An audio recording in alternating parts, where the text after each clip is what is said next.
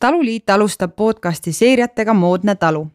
Nendes podcastides ehk eestikeelse nimetustega taskuhäälingutes toome teieni Eesti moodsaid talulugusid, eesmärgiga tutvustada neid lugusid laiemalt toidutootjatele ja tarbijatele, põllumajandustootjatele, hobitalunikele, profikokkadele, aga ka kirglikele kodukokkadele ja kõigile Eesti toidu nautlejatele, kes mõjutavad seda, kuidas me praegu toitu toodame ja sööme moodsad talu podcastidest toome teieni inspireerivad lood Eesti taludest. podcastis räägime, et piim ei ole vaid piim ja õun vaid õun, vaid et puhta toidu tootmine on ka poliitiline ja sügavalt isiklik avaldus selle kohta, kes me tahame olla ja millises maailmas loodame elada. moodsad talulood toob teieni Eestimaa Talupidajate Keskliit koostöös Maaeluministeeriumiga oleme alustanud oma juba kolmanda episoodi salvestust äh, seriaalist, siis podcast'i seriaalist moodne talu ja me oleme siia jõudnud täna siis Pärnumaale Mahlametsa, mis on vaieldamatult üks moodne talu. minuga koos täna äh, aitab seda podcast'i läbi viia Kerli, tere Kerli. tere, äh, minu nimi on Kerli Nõges ja mina olen Maaeluministeeriumis toidu müügiedendamise valdkonna juht. ma väga tänan selle võimaluse eest äh, sellises podcast'is kaasa lüüa ja kaassaatejuhina. et nagu minu ametijuhat-, ametinimetus juba vihjas, siis äh, tegelen eelkõige selle osaga siis toidu tootmise juures, kus ettevõtja on juba jõudnud toote valmis teha ja mm, pakume siis äh, tuge just nimelt sellises äh, toidu turundamises ja turustamises et mille osas on meil ministeeriumi poolt äh, pakkuda mõned toetusmeetmed. aga teiselt poolt on ka maaeluministeeriumil endal tegevused, millega me siis aitame kohalikku toidu kuvandit äh, kujundada ja, ja ühtlasi siis ka pakume ettevõtjatele võimalust oma, oma tegemistest äh, rääkida. nii et suur tänu kutsumast. ja me oleme siin külas siis nii nagu ma ütlesin, Mahlametsa perenaisel Terjel, tere Terje tere kõigile, mina olen Terje. ja nii nagu Kerli tegelikult ütles, oled sina juba jõudnud oma toote valmis teha. et räägi meile natukene oma tegemistest, et äh, me oleme siin Pärnumaal äh, siin oli mesinikutee kuskil lähedal, äh, see on selline suhteliselt sihuke koht, kuhu, kus möödasõitjaid äh, ikka on. ja sul on siin väga uhke tootmishoone, et räägi natukene sellest oma tegemistest siin. nii, et et me alustasime tegelikult juba jupp aega tagasi, et äh, me, meie lugu saab alguse kahe tuhande kuueteistkümnendast aastast. kus meie hobist äh, teha siis kodus õunamahla suuremas koguses äh, kasvas välja sihuke tore töö, mis tõi meid maale ja andis nagu sihukese kerge lootuse, et me saame siin oma selle mahla tootmise tööga endale ise leiva lauale teenitud ja saamegi tulla maale elama koos perega. et see siis oli nagu algtükkeks miks siia maale üldse tulla. et maal on tore elada, töökohti väga vähe ja ainuke viis teha siis seda, mis sulle tegelikult meeldib, äh, ongi siis luua iseendale töökoht. et äh, me alustasime sellega, tegime endale väikse tootmisruumikese, sihukese kakskümmend viis ruutu. alustasime väga käepäraste masinatega vaatasime ringi, kui need olid juba ennast ammendanud oma mahtudelt ja, ja ka siis võimalustelt ja leidsime võimaluse paar projekti kirjutada ja saime suured masinad.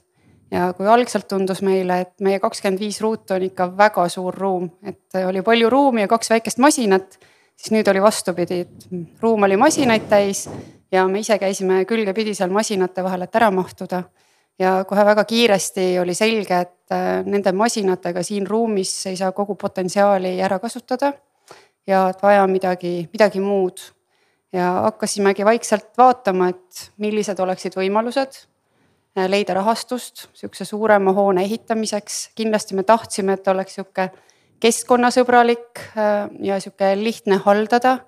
ja et tegelikult oleks äh, kõik see, mis meil järgi jääb, oleks nullilähedane.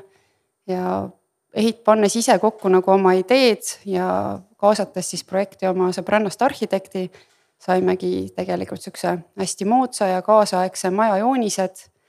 Äh, saime korda kogu dokumentatsiooni, mis samuti ei olnud tegelikult väga lihtne ja kuidagi sihukese ahel õnnestunud kordaminekuid viis meid siis selleni, et leidsime rahastuse, leidsime ehitaja ja maja sai tegelikult hästi kiiresti valmis. Ja nüüd me siis toimetagemegi oma kolmesaja ruuduses tootmishoones, mis kasutab päikeseenergiat ja maasoojust. ja nüüd ei ole, nüüd on muidugi, ei ole veel jõudnud oma potentsiaali tipphetkeni, et me oleme sinnapoole alles teel. aga eesmärgid on olemas ja, ja võimalused on olemas, mis on nagu kõige olulisem hetkel. kas äh mis sind selle kohaga üldse seob siin? kas sa oled pärit siit või sa oled sattunud siia, sest ma tean, et tegelikult äh, sinul on olnud ka elus perioode, kus sa oled olnud Eestist eemal ja tegelenud hoopis teiste valdkondadega, et kas see on ka nagu mingi põhjus sellepärast või tähendab, ütleme, kas siin on nagu mingisugune seos selleks, miks sa oled üldse maale tagasi tulnud, et, et või, või räägi sellest natuke. jah, et tegelikult ma olengi pärit siit piirkonnast, et ma olen äh, kasvanud üles äh, siin kohalikus väikses külas Kaismaal. ja siis mingil hetkel läinud Tallinnasse ülikooli ja sinna jäänudki. ja siis see elu on kuidagi viinud mind mööda maailma, töötasin suurtel kruiisilaevadel ja tegelikult vist on maailmale täitsa mitu tiiru peale tehtud. nähtud on hästi palju põnevaid asju, kogetud hästi palju erinevaid kogemusi oldud erinevates kliimades, nähtud, kuidas seal asju tehakse, väga paljudes istandustes käidud vaatamas, kuidas, mis kasvab. et tead täpselt, et ananass ei ole juurvili, vaid on puuvili ja, ja, ja muud siuksed asjad. ja mingil hetkel tõi elu tagasi Tallinnasse ja tekkis perekond.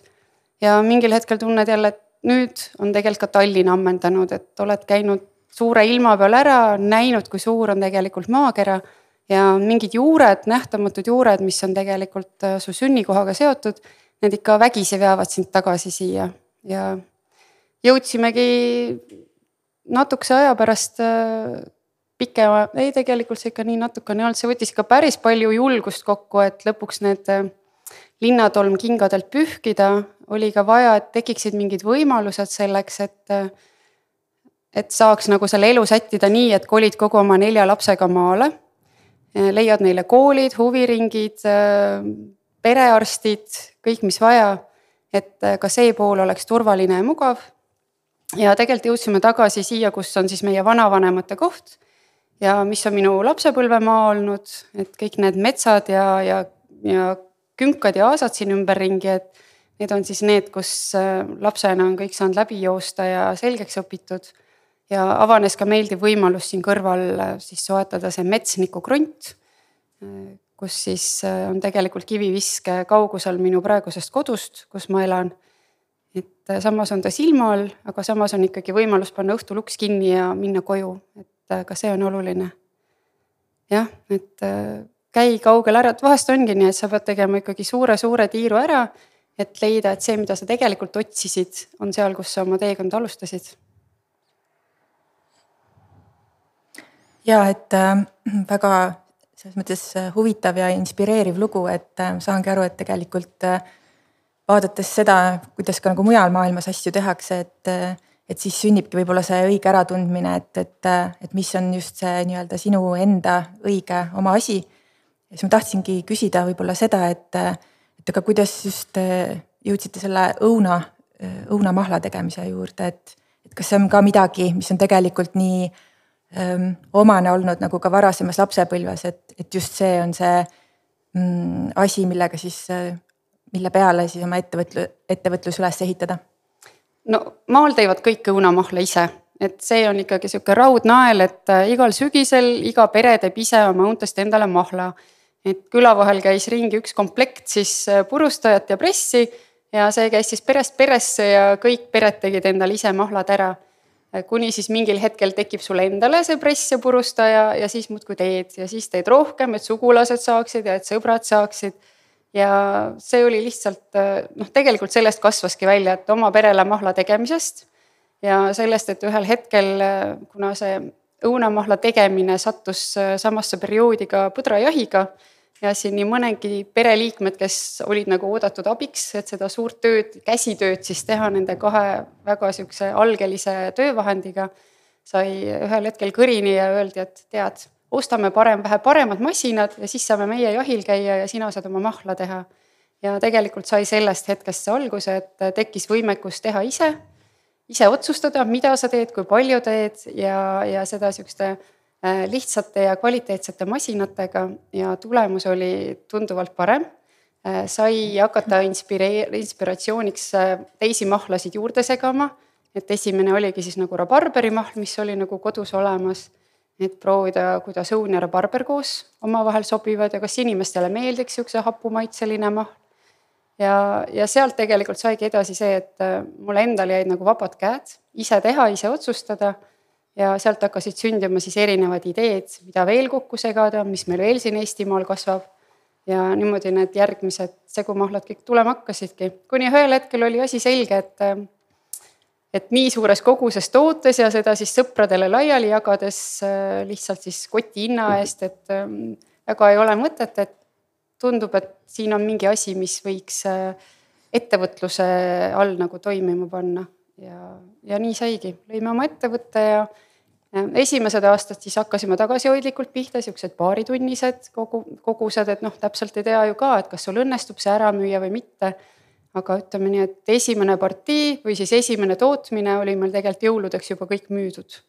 ja siis vaatasime, et ohoo, järgmine aasta tuleb rohkem pingutada ja nüüd on sellest esimesest pooleteisest tonnist või siis kahest tonnist, mis me seal esimesel aastal tegime, on nüüd siin aastate jooksul kasvanud välja sihuke kolmkümmend viis tonni aastas. ja ka selle koguse äramüümisega ei ole tegelikult probleeme.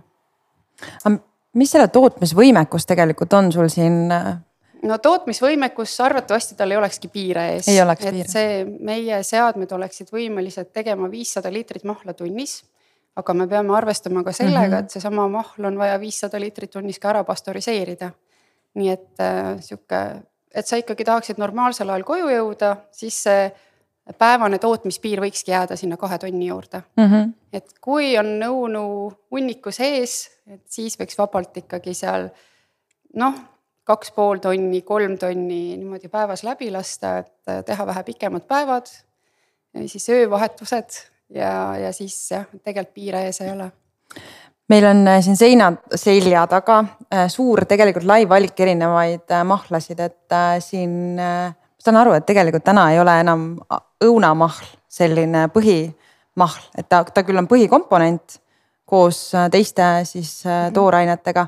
et kes, kas sina ise teed seda tootearendust selles mõttes, et mõtteid, et milliseid mahlasid siis veel teha või on need tarbijad, kes ütlevad, et ah, kas te teete äkki veel, ma ei tea, kas te olete kunagi teinud mingit mahla, et näiteks minu vanaema tegi mustsõstra ja, ja õunamahla, tegelikult me siin jõime, et kas te äkki saaksite ka seda mahla teha või, või, või, või kust need ideed tulevad, need erinevad mahlad sinna pakki panna? tegelikult tulevad ideed tegelikult sellest, et mul on mingi teatud tooraine kätte sattunud ja siis ma olen mõelnud, et ahaa Eestimaal kasvab sihuke asi ka, ma proovin ära, et äh, kuidagi see pea töötab praegusel hetkel täitsa nii, et ükskõik, mis asja sa näed, sa mõtled, kuidas ma saaksin selle mahlaks teha. et erinevaid vahendeid kasutades ja nii ongi, et äh, nüüd on veel päris vähe asju järgi jäänud, millest ei ole katsetatud mahla teha. mis see kõige eksklusiivsem on võib-olla, mis sa oled kokku pannud, mis võib-olla on nagu nii üllatuslik, et noh, inimesed mõtlevad, et ma ei tea, kas ma üldse tahaks proovida seda, et see kõlab kahtlaselt, et võib-olla see, ma ei tea, äkki nurmenukuga mahl, kuigi see kõlab mm. pigem, nad kõlavad kõik nagu huvitavalt, et ma just tahaksin proovida mm. -hmm. et sihuke asi, mis nagu võiks kõlada, et ah, see vist küll juua ei sünni, et ega tegelikult sellist ei olegi, et no,. kõrvits kõrvits, tegelikult noh, eestlased küll natukene kardavad kõrvitsat, just aga. pigem magus, eks ole. jah, ei ta, ta ei teeb sihukeseks kummaliseks, et puhas kõrvitsamahl, et äh, nagu mu abikaasa ütleb, et sa pead ikka väga haige olema, et sa seda tahaksid vabatahtlikult juua. aga kas sa oled kõrvitsamahla teinud? ja, me ise teemegi, me teemegi, kõik meie mahlad tulevad päris viljadest mm. -hmm. sügisel tavaliselt äh, korjamegi kokku treileritäie kõrvitsaid kutsume siia mõne seltskonna appi neid koorima ja terve päev kulub tegelikult kõrvitsa koorimisele, seemnete eraldamisele, tükeldamisele ja siis me teeme ikka väga suures koguses kõrvitsamahla aga kui abikaasa nagu ütleb, et, et sa pead ikka väga haige olema, et, et seda mahla juua, et kes see tarbib seda mahla siis? Äh, tegelikult no see, see nüüd käib puhta kõrvitsamahla okay. kohta, aga kui ta õunamahlaga ära segada, siis on ta minu mõistes on ta imehea. ja ma näen ka inimesi, et noh, kui see õunakõrvitsamahl seisab neil seal riiuli peal poes, ega nad ei julge osta mm. -hmm. aga kui ma olen ise olnud nendel välimüükidel ja annan neile seda enne proovida siis nende valik kindlasti on õunakõrvitsamahl ja siis ma mõtlesin, et ma teen isegi noh, natukene veel Eesti inimesele seda võib-olla siis äh, meeltmööda olevamaks ja lisasin õunakõrvitsa mahlale veel ka mett mm. -hmm. et võib-olla mõned arvavad, et see on imal või hapu või ma ei tea, mida veel, et äh, mesi peaks ikka meelitama. ja tegelikult nüüd ongi see õun, kõrvits ja mesi, et see on tegelikult äh, ütleks ausalt inimeste nagu esimene valik. sest see on sihukese üllatusliku maitsega nende jaoks, üllatusliku meeldiva maitsega hmm.. ja tihtipeale ongi ikkagi, et äh, valides, proovides ära kümme-viisteist mahla, ütlevad nad lõpuks hea küll, anna see õun, kõrvits ja mesi siia. Mm -hmm.. praegust vist kohe peaks äh, see kõrvitsa, noh, ütleme see kõrvitsa aeg tulema, et meie kultuuris seda ei ole, aga see Halloween on ka tegelikult jõudnud siia Eesti maa peale, lapsed kõik äh, graveerivad kõrvitsaid, et siis see praegu see on vägagi hea teema nagu kõrvitsamahla juua. jah, kõrvits ongi meil siin järgmise nädala teema, et äh, tuleb kõrvitsamahl ja peidimahl, et köögiviljad ja porgandid ka. et äh, ma tahangi, et nad jõuavad otse põllult minu juurde, et nii kui nad maa seest välja tulevad hästi värsketena, siis on neil hästi palju mahla sees ja see mahl on sihukese hästi värske ja puhta maitsega et kui ta on juba keldris tiiru ära käinud, siis eriti peedile tuleb sihuke kerge kotimaitse mm -hmm. juurde, et ei ole väga mõnus enam et äh, omad trikid on juures, mm. et äh, tuleb teada üht koma teist ma saan aru, et kõrvits on selline väga huvitav maitse juba on tekkinud väga suur huvi, tahaks kindlasti mhm. proovida. aga et äh, kas on mingisugune selline, mis kindla peale on nagu ütleme, laste lemmik või, või siis üleüldiselt nagu eestlaste lemmik, et mille kohta saaks öelda, et jah, vot see on nüüd tõsiselt nagu rahva lemmik ega päris sellist ei olegi, aga laste puhul kindlasti see sõna maasikas on mm -hmm. võlusõna, et selles ei ole kahtlust, sõna maasikas. ja noorte puhul pigem rabarber, et õun rabarber, sihuke hapukas, sest rabarber on jälle sihukeseks äh, moeköögiviljaks hetkel muutunud. et äh, ta on limpsides, ta on igasugu muudes põnevates jookides ja õunamahla juures samamoodi. aga sihukest üldist, mis ikka nagu iga ilmaga müüks ma ei tea, nii palju, kui on inimesi, nii palju on erinevaid maitseid tegelikult ja, oleme ausad, järgmiseks sügiseks ei ole mul mitte midagi kätte jäänud, et äh, need kõik on, on endale soovija leidnud, jooja leidnud mm. -hmm. et äh, ei ole midagi, mis mulle, võib-olla see õuna punase sõstra mahl, sest äh, kuskil ajusopis on see veidus, et tegemist on väga hapu asjaga. ja ma ei oskagi öelda, see on nagu alati, mis jääb viimaseks mulle siia riiuli peale seisma aga, aga ma ise katsun nagu teha kõike, et just teda populariseerida, sest noh, punase sõstra mahl on ikkagi ju see, mis varem oli igal sünnipäevalaual morsina.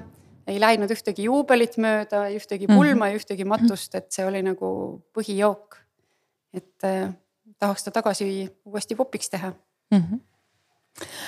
Äh, räägi see lugu oma pakikujundustest, et nad on alati nagu väga silmapaistvad, kaunid pakid, pakikujundused, mis sul on, et, et sul kindlasti on mingi oma lugu sellega rääkida, et äh, isegi see sein siin nende, nende, nende pakkidega on nagu nii hästi silmapaistev, et äh, et me teame, et tegelikult üldse nagu tootearenduses väike tootja peab nagu panustama veel rohkem, et silma paistma, et me oleme näinud ka kõikide Ehtsa talutoidu liikmetel, kui palju nad tegelikult selle brändingu äh, ja ütleme siis oma toodete visualiseerimisega vaeva näevad just selleks, et äh, paista silma.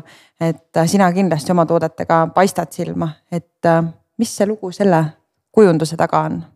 et kohe esimene asi, mille noh, kui meil olid oma tooted paika saanud, oligi ikkagi see, et on vaja pakind, pakendit, mis eristuks. et meil olid oma pakendi mõõtmed olemas, me teadsime suuruseid ja ja me tegelikult väga mõtlesime, et äh, mis me tahaksime, et seal paki peal oleks. Ähm, ja kes me tahaksime, et selle meile kujundaks või keda me sooviksime, et see meile kujundaks.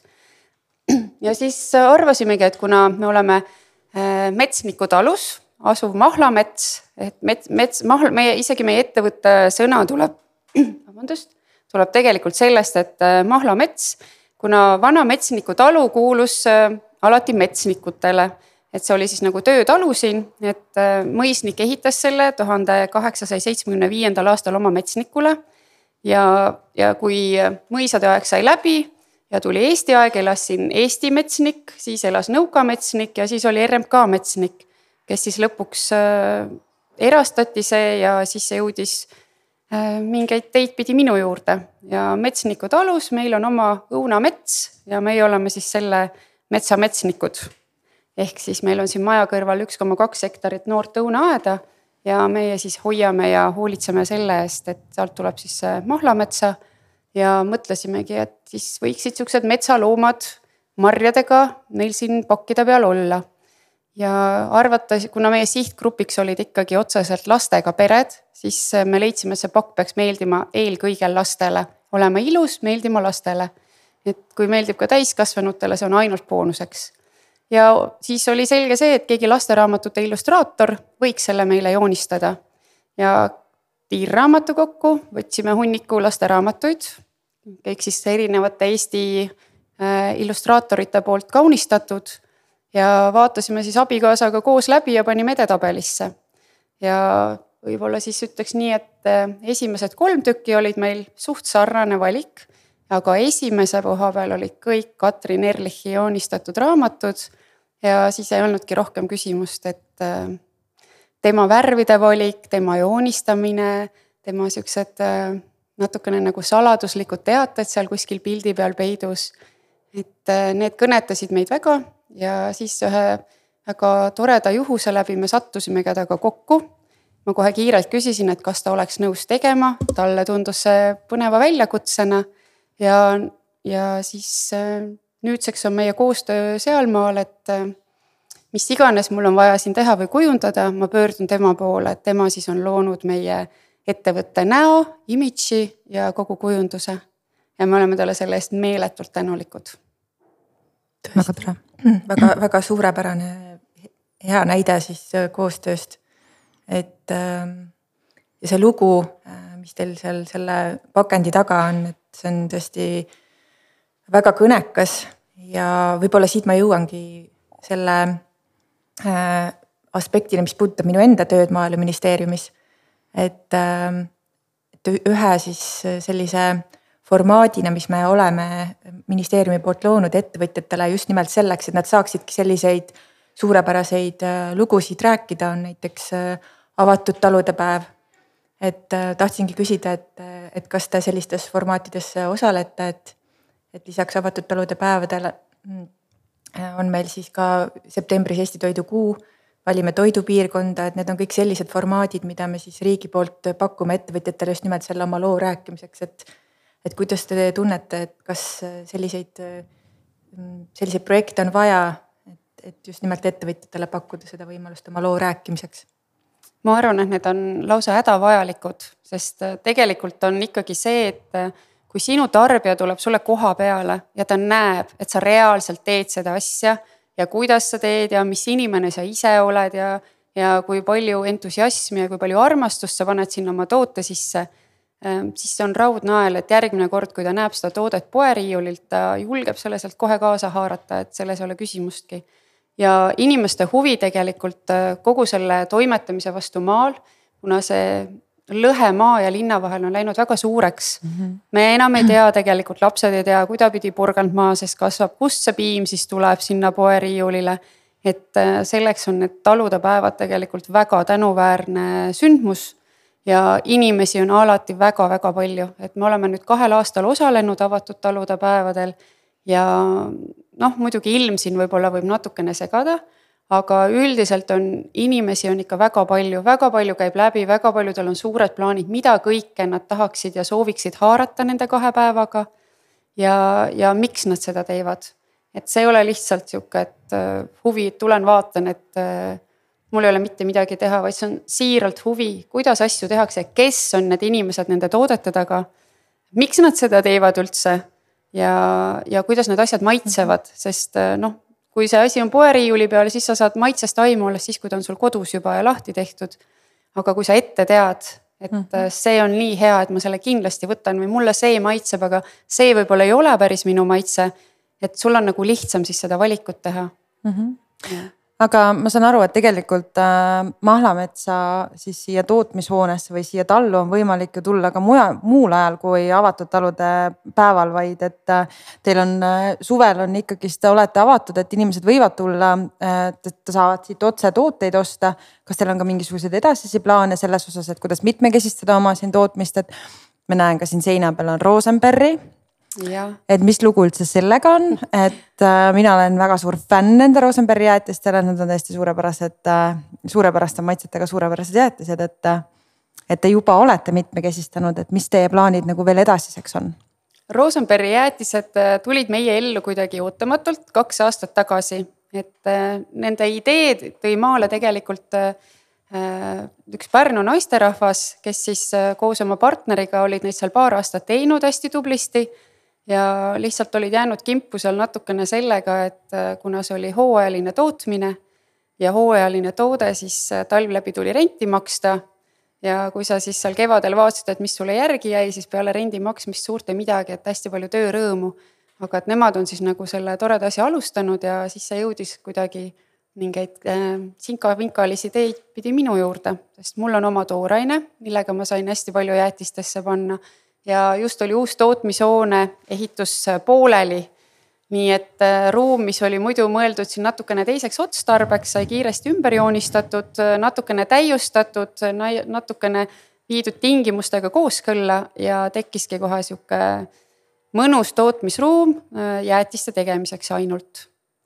ja need on tõesti, kuna, kuna siis suvel on ikkagi nii, et see huvi jäät- või nende mahlade vastu vaikselt äh, nagu kaob et tulevad uued joogid, tulevad limonaadid ja muud asjad siia suveteemasse, siis äh, jäätis on see, mis, äh, millele me saame siis suvel pühenduda. et äh, me olemegi ka hetkel veel pigem ikkagi suveperioodil jäätisetootjad. et ei ole jõudnud veel sinnamaani omadega, et aastaringselt saaks neid igalt poolt kätte, et on jäänud ainult mõned üksikud kohad, kes siis meie jäätiseid talvel müüvad aga suvel Pärnu rand ja nii mõnedki teised väiksed talupoed ja toredad kohakesed pakuvad meie Rosenbergi jäätist.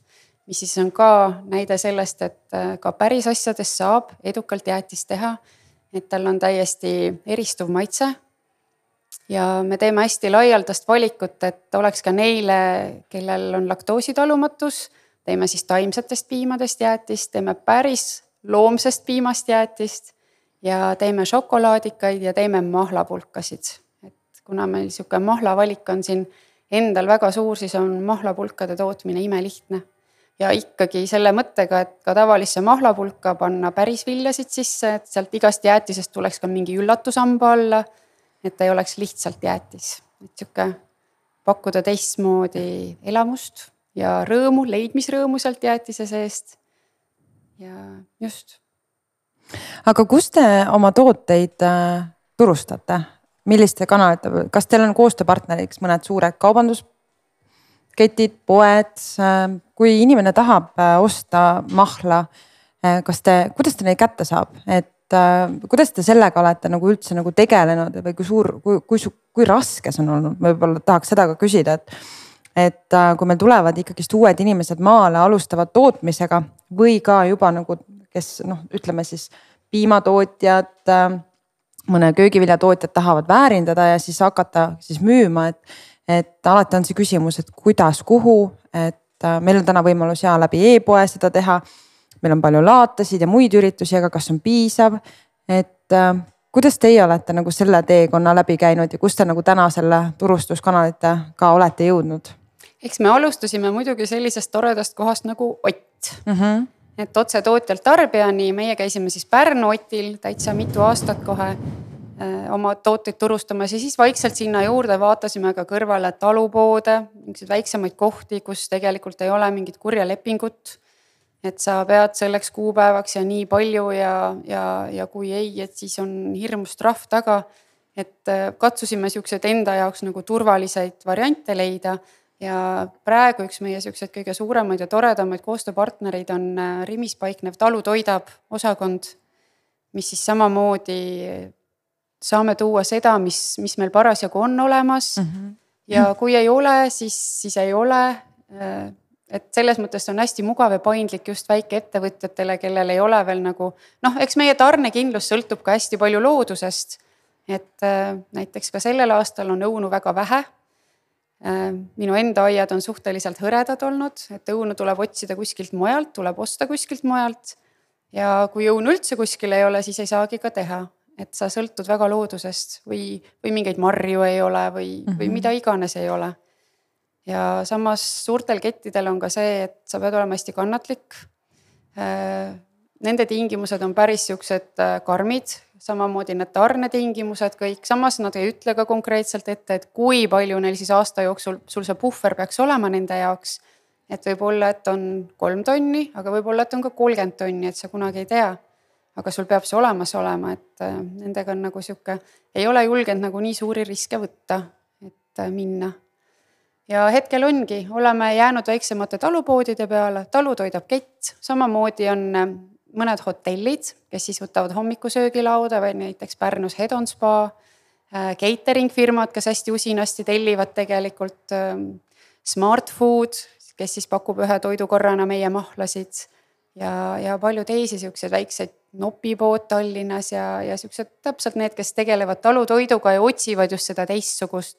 ja mõnes mõttes on ka see tore, et äh, kui me siin vahepeal Selveris olime sees ja oled seal kõrvuti nende siis Aura ja Põltsamaaga, siis väga paljud inimesed, nad tegelikult ei saa täpselt aru, et mis vahe on mahlal värsketest viljadest ja mis vahe mahlal kontsentreeritud mahlast.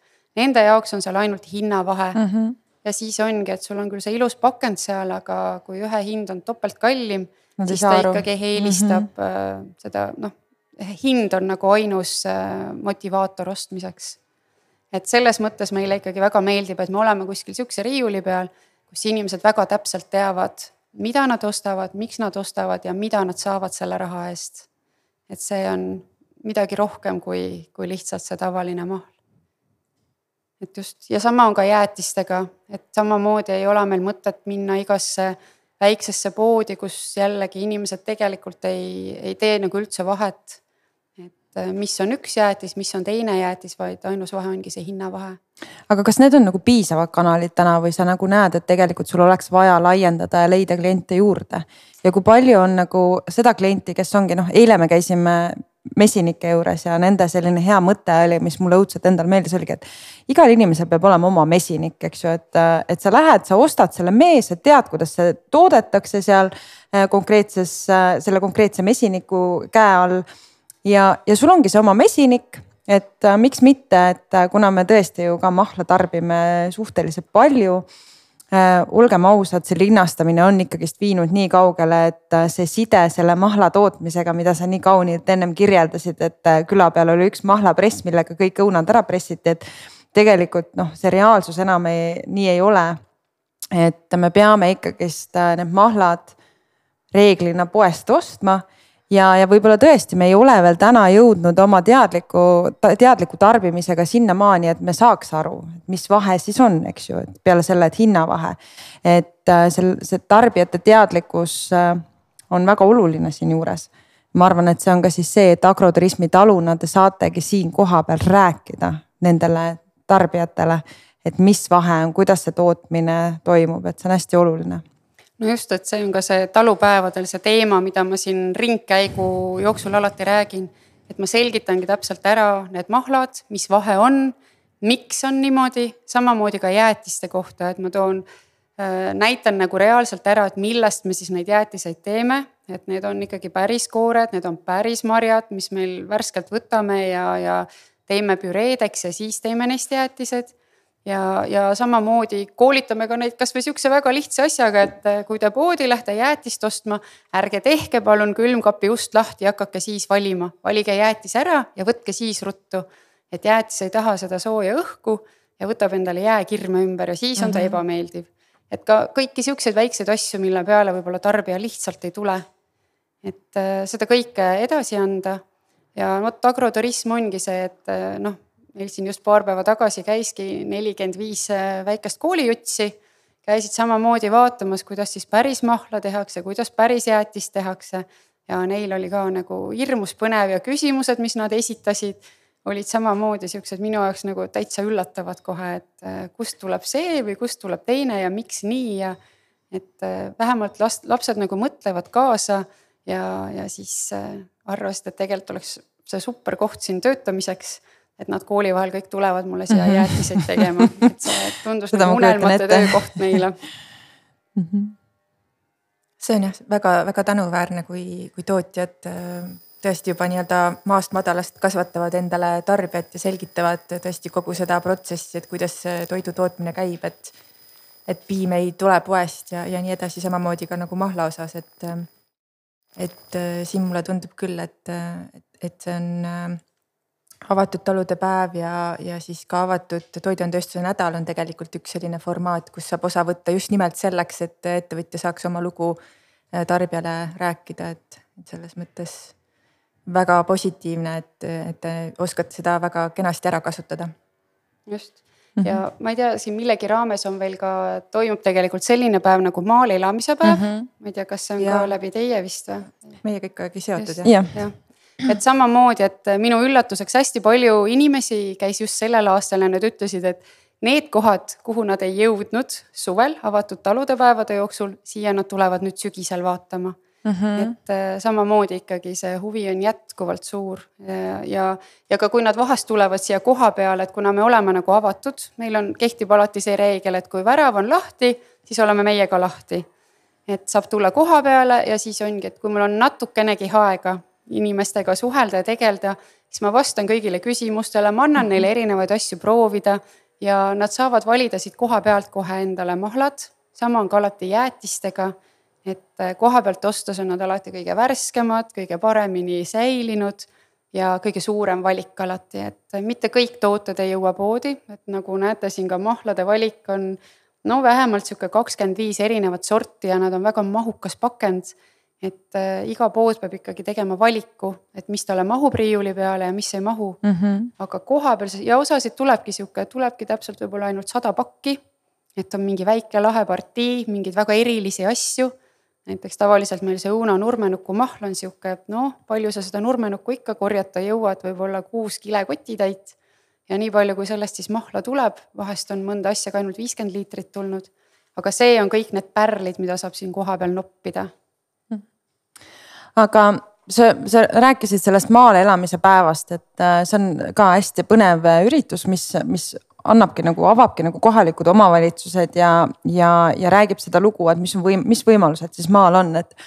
et teiega noored inimesed, eks ju, me teame, et maal on võimalusi oluliselt vähem kui linnas, noh kasvõi meelelahutuse poole pealt, noored lapsed, teismelised, kinod, kõik asjad on väga kaugel, et kas see on nagu olnud mõnikord see, see mõte, et ah, ma tahaks sinna linna minna või oled sa jätnud endale see linnasideme ikkagist alles või, või kuidas sa seda tasakaalu leiad, et et, et sa saaksid ikkagist äh, maal elades äh, noh, ka lapsi kasvatades, eks ju, me teame, et noh, et, et lastel on natuke teised ootused täna ähm, ja soovid. et kuidas sa seda nagu tasakaalu leiad, et nende, nemad ka õnnelikud oleksid, et ma tean, et sinu silm särab siin tootmishoones, mis on tõesti nagu vapustav. et äh, kuidas sa oma pere oled motiveerinud, et see on, kõik on, see kõik on nagu väga vajalik ja oluline ja, ja me peame seda koos tegema, sest teil on ju ka pereettevõte, et teil selles mõttes abitööjõudu on vähe ja hooajaliselt? no me olemegi laste kooli valikul, me tegelikult lähtusime sellest, kus oleks neil võimalik äh, võtta juurde kõik neile vajalikud huviringid. Et sellepärast me võtsime vastu otsuse, et me paneme nad kodust kolmekümne kuue kilomeetri kaugusele kooli. kus siis peale kooli on neil tegelikult kõik võimalused tegeleda laulmisega, pilliõpingutega, võrkpalli, korvpalliga käia kunstikoolis, millega iganes. ja selle siis äh, üks tingimus on see, et hommikul viime me nad kolmkümmend kuus kilomeetrit kohale ja õhtuti siis õnneks on, kuna kool asub teises maakonnas, on mõningad asjad natukene keerulised, eriti just äh, siin valdadega neid asju ajades. et aga maakonnasisene liin toob nad siis äh, kuus kilomeetrit kodust järgmisesse Alevisse ehk Järva kanti ja siis sinna käime me neil vastas et see on siis see meiepoolne panustamine ja sama see tähendab ka seda, et kui mingil nädalavahetusel, kui bussid käivad harvemini, aga on vaja võtta osa mingitest kontserditest või on mingid esinemised või on sünnipäevad või mingid koosviibimised. Et siis võib-olla on vaja võtta ette see kolmkümmend kuus kilomeetrit sõit sinna ja tagasi, et laps saaks sellest kõigest osa võtta. et selle me oleme nagu sisse kirjutanud enda pereellu ja nii see on. ja kui on vaja, siis mõned käivad Tallinnas mingeid huviringe läbi viimas ja tulevad tagasi. lihtsalt äh, ajaplaan ja see tuleb hoolikalt läbi mõelda ja kokku sättida. ja, ja siis meie peame tegema väiksed korrektiivid oma tööelus, et võib-olla siis oled õhtul natukene kauem, aga et saad päeval vahepeal lipsti ära käia ja viia teha asjad, et selles mõttes on iseenda tööandja olla väga lihtne, et saad ise oma tööplaanid koostada mm -hmm. ja ise tead, mis kell sa koju jõuad, kas üheksa, kümme või üksteist, et see on sinu enda valik. peaasi, et töö saab tehtud ja, ja perel on ka kõik asjad, kõik on rahul, et ütleme siis nii, et kõik on kõike saanud, mida vaja. ja millal te puhkate? No me ikka pigistame siin mingi aja endale kolm nädalat või kaks nädalat, kui jäätis on juba lõppemas ja mahl ei ole veel alanud ehk tavaliselt see on siis seal kuskil augusti lõpp, septembri algus. vahest tuleb natukene ka kooli algusest näpistada. ja siis me oleme käinud koos perega ja niimoodi katsunud juhtme seinast välja tõmmata natukeseks. mis on väga oluline. see on väga oluline jah mm. -hmm et ega meil siin siuksed rahulikud ajad ongi hetk seal enne, kui õunad valmis saavad ja teine on tegelikult jaanuar et siis on ka, et selle talvekülmaga, et eks sa siis mõtled, kuhu sa saaksid minna, kuhu sa ei saa minna. vahest on ka lihtsalt aitab kodus olemine ja mingi mõnusa raamatu lugemine, et mis ei ole seotud sellega, et kuidas lõigata puid või kuidas kasvatada seda, teist ja kolmandat, mhm. et lihtsalt lugeda midagi, mida väga tahad lugeda mm. -hmm. Aga kui me oleme rääkinud siin äh, päris palju nagu sellisest tootmisest üldisemalt, et äh, kui me jõuame sinna selle õunaaeda, et kas see on nagu noh, ma tean, et õuna kasvatamine küll võib tunduda lihtne, eks ju, samas me oleme siis, mul endalgi on kodus õunapuud, mis äh, kindlasti vajavad palju rohkem hoolt ja armastust, kui ma suudan neil ajaliselt pakkuda et kas sa selle oled kõik ise õppinud või, või oled, on sul siin mõni hea partner, kes siin õpetab või, või kuidas sa sellega oled ennast kurssi viinud? või oled kasutanud seda täna, tänapäevast moodsat viisi õppimiseks nagu Youtube?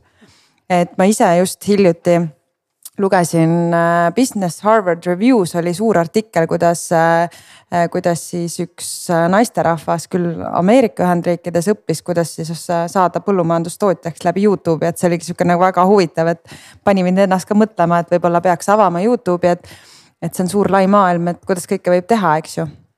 et kuidas sul nagu see pool on? no Youtube on väga suur abimees iga, igasugu muudele asjadele, et kuidas teha seda või kuidas teha teist, how to do ja mm -hmm. sealt vastused tulevad mm, -hmm. et mhm. Youtube'ist ma õppisin tegelikult, kuidas äh, troopilistest viljadest mahla teha või kuidas neid üldse koorida. et see oli küll abimees, aga kuidas puid lõigata, seda tuleks ikkagi inimeselt õppida mm, -hmm. et mhm. äh, sihuke huvi puude otsas ronida on mul tegelikult alati lapsepõlvest äh, olnud. et sihuke puude otsas ronimine ja katkised püksitagumikud, et see on olnud minu, minu ema suur väljakutse, et ma alla ei kukuks ja, ja see riiete pidev paikamine et, et ma oleksin võinud juba varem nagu mõelda selle peale, et mulle meeldis seal puude otsas nii palju olla, et ma oleks võinud oma elukutse kuidagi sellega siduda. aga jällegi vahest tuleb käia suur tee, et jõuda tagasi sinna, kust alustasid. ja mm -hmm. mina läksin Räpinasse, läksin õppima hoopiski maastikuehitust ja sinna juurde siis pakuti ka tegelikult oli see aianduse pool, oli, kuidas neid istutada, kuidas neid hooldada, kuidas lõigata ja eriti tore oli see, et meil oli väga palju erinevaid õppejõude, kes õpetasid ühte sedasama asja, aga igalühel oli oma erinev stiil ja viis, kuidas seda teha. ja lisaks ma leidsin siin Vändrast Tõrvaaugust, oli vist Tõrvaaugu jah, ühe meesterahva, härra Poomi, kes siis aitas samamoodi mul näidata, kuidas tema puid lõikab ja tegelikult niimoodi erinevatelt inimestelt õppides kujuneb lõpus välja su enda stiil ja siis sa ikkagi loed veel lisaks, et äh, mida erinevad raamatud räägivad. siin Krista Tiirma õunapuude lõikamise raamat on mind väga aidanud ja, ja veel mingid äh, Eestis kirjutatud raamatud, et oleme ausad, Eesti puud ja, ja siin Ameerika puud, et need on natukene erinevad. ja koolitused, et ma olen käinud kaasas lõikajatega, vaadanud, kuidas nad teevad ja palunud, et nad alati põhjendavad, miks nad seda teevad ja siis tuleb lihtsalt lõigata, lõigata, lõigata ja veel kord lõigata, kuni äkki sa hakkad nägema. et see oks tuleb võtta, see tuleb jätta, see tuleb siit lõigata, see tuleb sealt lõigata. et see puu hakkab nagu, iga puu on erinev ja iga puu hakkab sinuga ise rääkima mm. -hmm. et lõika siit, lõika sealt, nüüd on parem, nüüd on halvem äh,. väga suur väljakutse on nende vanade puude lõikamine sest vanasti on neid kõike sealt traktoriga alt hooldatud ja oksad on hästi kõrgelt ära lõigatud, et vahest on probleem, et üldse sinna puu otsagi saada. ja tihtipeale on nad aastaid, aastaid, aastaid äh, olnud hooldamata. siis seal on üks suur pusa lihtsalt ja tegelikult on nagu, nagu sihuke lõngakera mäng, et hakkad seda lahti arutama sealt. ja kui seal lõpuks on see tulemus sul käes, et äh, minu arust on see nagu väga nauditav, et sa teed, sa teed, see on sihuke adrenaliinirohke töö, sest puu otsast võib suvalisel hetkel allagi kukkuda, kui sa hoolikas ei ole. ja traksidega seal toimetada on väga keerukas ja võid ka puud lõhkuda nendega. et siis äh, sihuke paar puud päevas, paar suud puud päevas ja kui sa õhtul oled meeletult väsinud ja tunned, et sul on lihased, mille olemasolust sul aimugi mm -hmm. polnud. et äh, see on nagu väga sihuke rahuldust pakkuv väsimus ja, ja sihuke mõnutunne. ja kui siis kevadel või paar aastat hiljem kannab seesama puu, mis enne andis pabulaid ainult, suuri säravaid tumepunaseid õunu, siis see on nagu täielik töövõit mm. -hmm. ise näed seda kõike, mis siin toimub Just, sinu talus, see on väga oluline. see on nagu kõige parem töö, kui see tulemus on kohe nähtav või siis natukese aja pärast, et aga visuaalselt on tulemus ka kohe näha mm. -hmm. mis on tegelikult väga selles mõttes oluline, sest see on see tooraine, millega sa toimetad.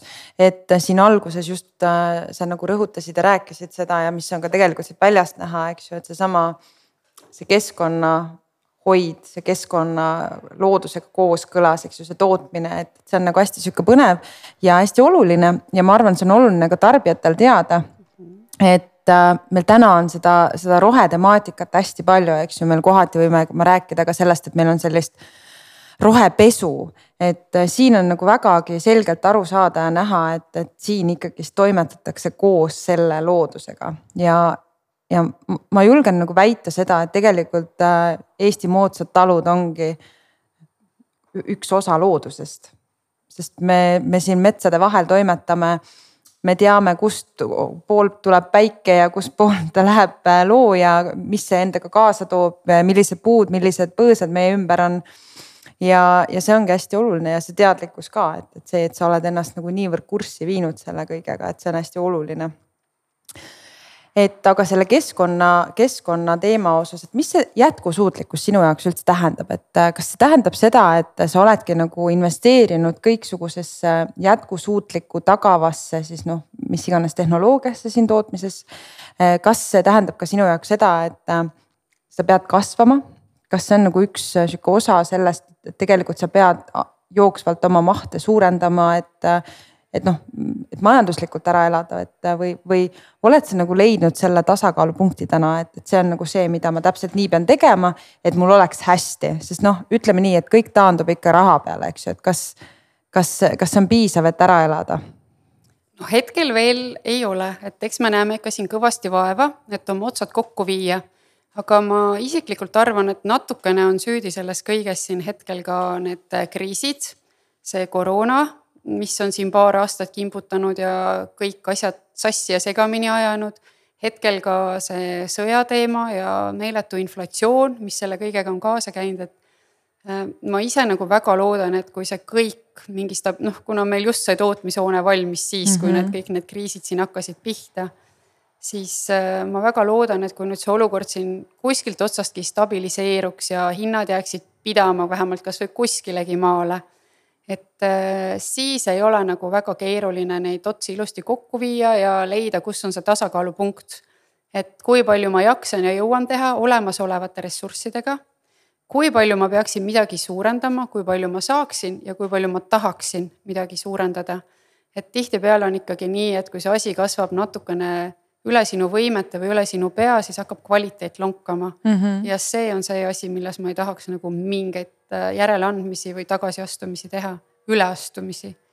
et äh, kuniks ma suudan tagada kõigile oma toodetele selle kvaliteedi, mis on minu äranägemise järgi parim, siis äh, sinnamaani on seda kasvuruumi mm. -hmm aga, aga ikkagi pigem võib-olla siis vaheldusrikkamaid asju, võib-olla siis pigem võib-olla tõstaks seda tootmisteenuse osakaalu et äh, meil on. sest ju... täna on ju võimalik sinu juures ka lihtsalt pressida mahla.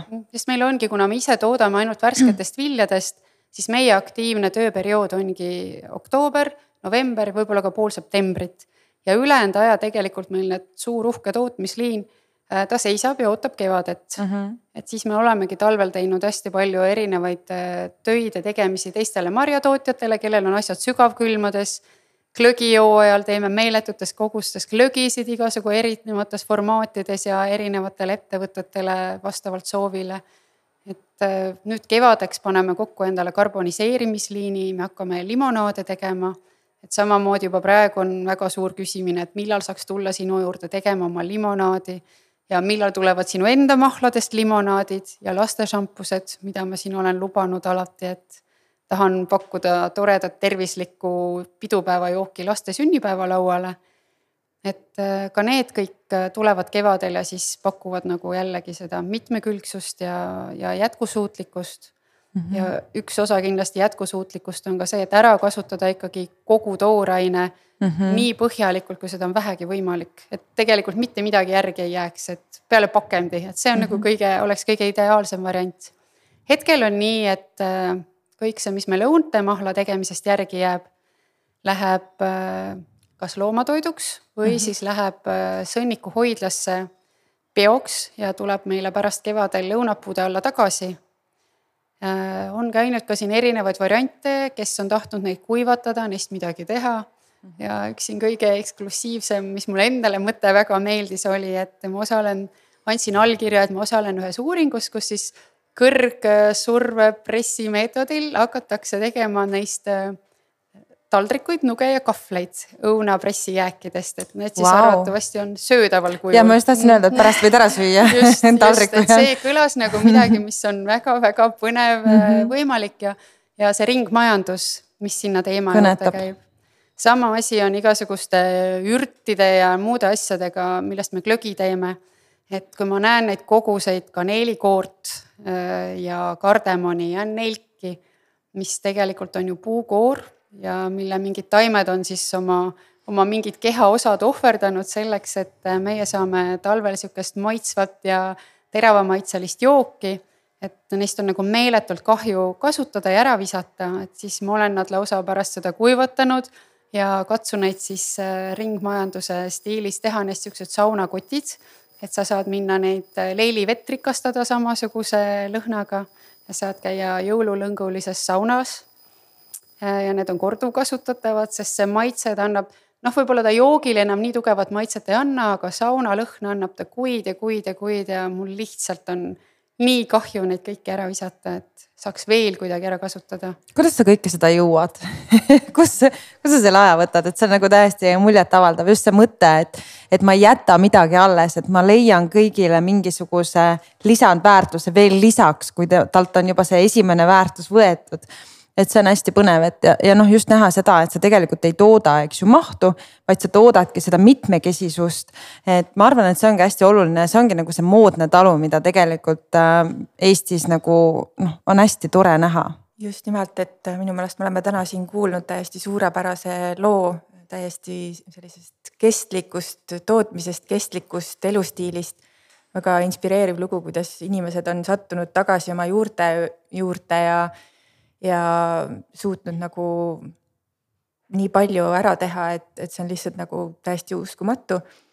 ja mida, kuna mina olen siin ministeeriumi esindajana, siis ma tegelikult võib-olla küsiksingi veel ühe küsimuse seoses äh, erinevate toetusmeetmetega, et et kui me tuleme algusesse selle jutuajamise alguse juurde, siis äh, mainisite ka mitu korda, et tegelikult kirjutasite erinevaid projekte ja ja tahangi küsida siis ootusi riigile või et kas te julgustate inimesi minema maale just nimelt ka nagu neid toetusi ära kasutama, et, et kui suur abi sellest ikkagi on olnud, et on õnnestunud selline äh, lugu ja, ja selline ettevõte üles ehitada? kui ma nüüd päris ausalt ütlen, siis tegelikult on nii, et ega ilma toetusteta on siin maal üldse raske midagi teha.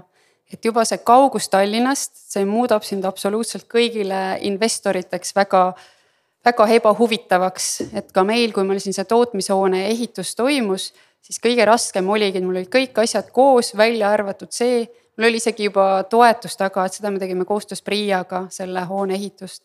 et sul on juba neljakümne viie protsendi ulatuses äh, ehitusel toetus olemas ja sa ikka veel ei ole ühelegi pangale atraktiivne. et nad kõik nagu ütlesidki, et jah, et sa küll ehitad selle hoone valmis, aga nii kui ta sul saab valmis, nii kukub tema väärtus selle kauguse tõttu siin maal umbes kaheksakümmend protsenti. Mhm. ja nii ongi ja ta ei jää tegelikult siis nagu noh, neil on alati see, et kui me nüüd kiirmüüki teeme, kas me saame oma raha tagasi ja ei saa.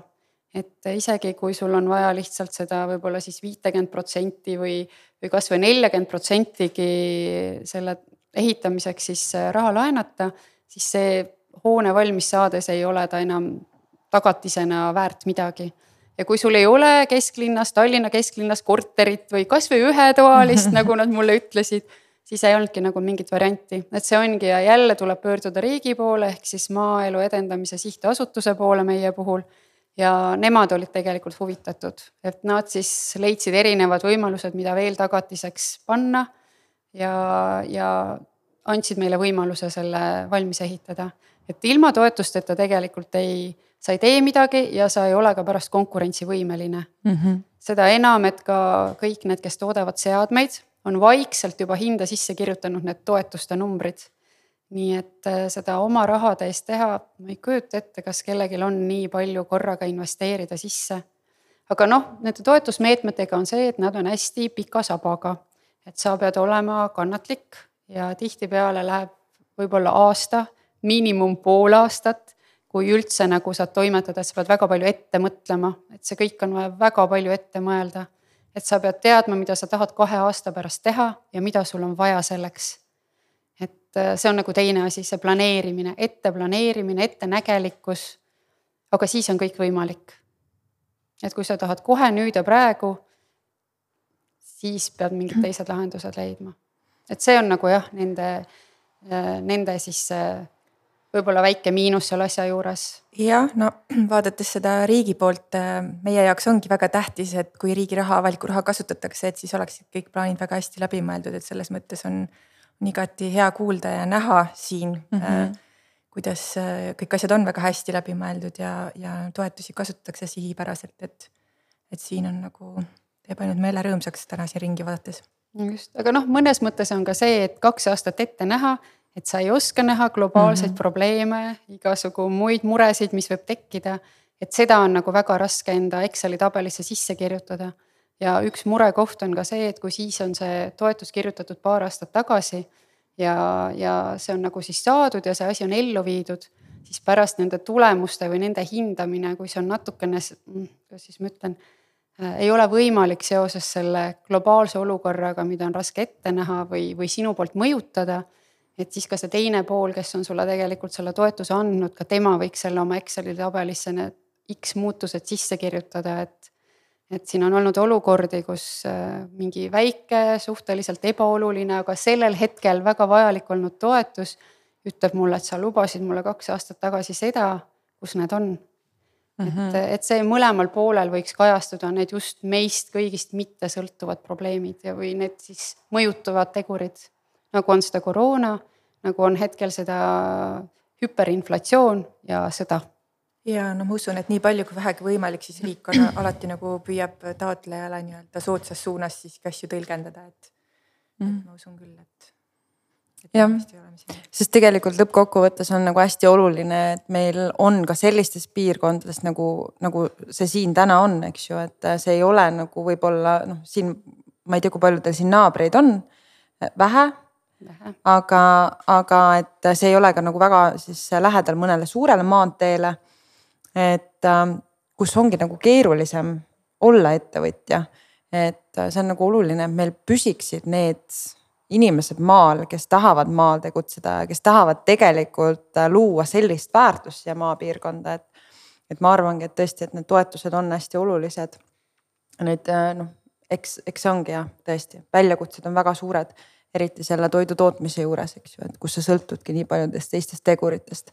aga ma näengi, et tegelikult siin on nagu kõik see läbi mõeldud. et siin ongi mitmekesistatud, siin on leitud see ka sära enda silma, eks ju, et, et kindlasti ma kujutan ette, Terje, ka sul vahest, et ah, et tahaks jalad lihtsalt seina peale visata ja mitte midagi teha, et ma ei peaks muretsema selle pärast, et mul on kohustused, laenud, toet-, tootmised, kõik muud asjad, eks ju, et et aga, aga samas see on sinu enda oma, see on, sa teed seda, mida sa armastad, sa teed täpselt seda nii, nagu sa tahad seda teha. sa oskad väärtustada seda ja sa annad tegelikult seda tarkust ka edasi oma tarbijatele, et see on hästi oluline ja. ja ma näengi, et, et meil ongi selliseid toredaid ettevõtlikke inimesi maale vaja ja mul on hästi hea meel, et nad maal on. aga me oleme jõudnud oma podcast'iga juba lõpuni. me juba siin veste-, oleme vestelnud väga paljudel erinevatel põnevatel teemadel. aitäh, Terje, et äh, sa meid vastu võtsid, aitäh, Kerli, et sa olid nõus osalema ja kaasa lööma ja, ja, ja niivõrd sisukaid küsimusi esitama, mis tegelikult kajastavadki täpselt neid, äh, neid probleemkohti, mis põllumajandustootjatel on ja, ja üldse maaettevõtjatel. aga millega ka see riik saab aidata, et see on hästi oluline. et eks see tugi ja koostöö on, on väga tähtis. ja aitäh kutsumast ja sellist äh, võimalust pakkumast, et äh, minu jaoks äh, tõesti minu lemmikosa minu tööst ongi just nimelt kohtumine toidutootjatega mm. -hmm. just sellistest kohtumistest tulevadki kõige olulisemad sisendid meie töösse, et, et selles mõttes suur tänu. ja aitäh, Terje, sulle ja jõudu igatpidi selles mõttes, et see, mida sa teed, on suurepärane. aitäh, et väärtustate, tunnustate ja naudite ja nagu ma ütlesin, et me oleme alati avatud, kui väravad on avatud, kes tahab tulla koha peale vaatama, uurima.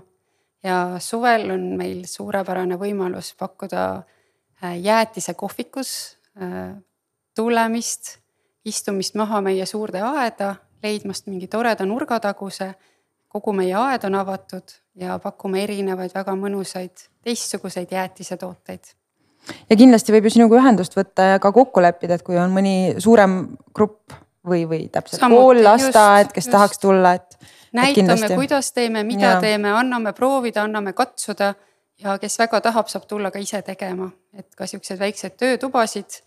et näidata, kuidas jäätist teha, et see pole üldse hirmus asi, iga mees saab kodus ka hakkama. ka neid me teeme. suurepärane, aitäh teile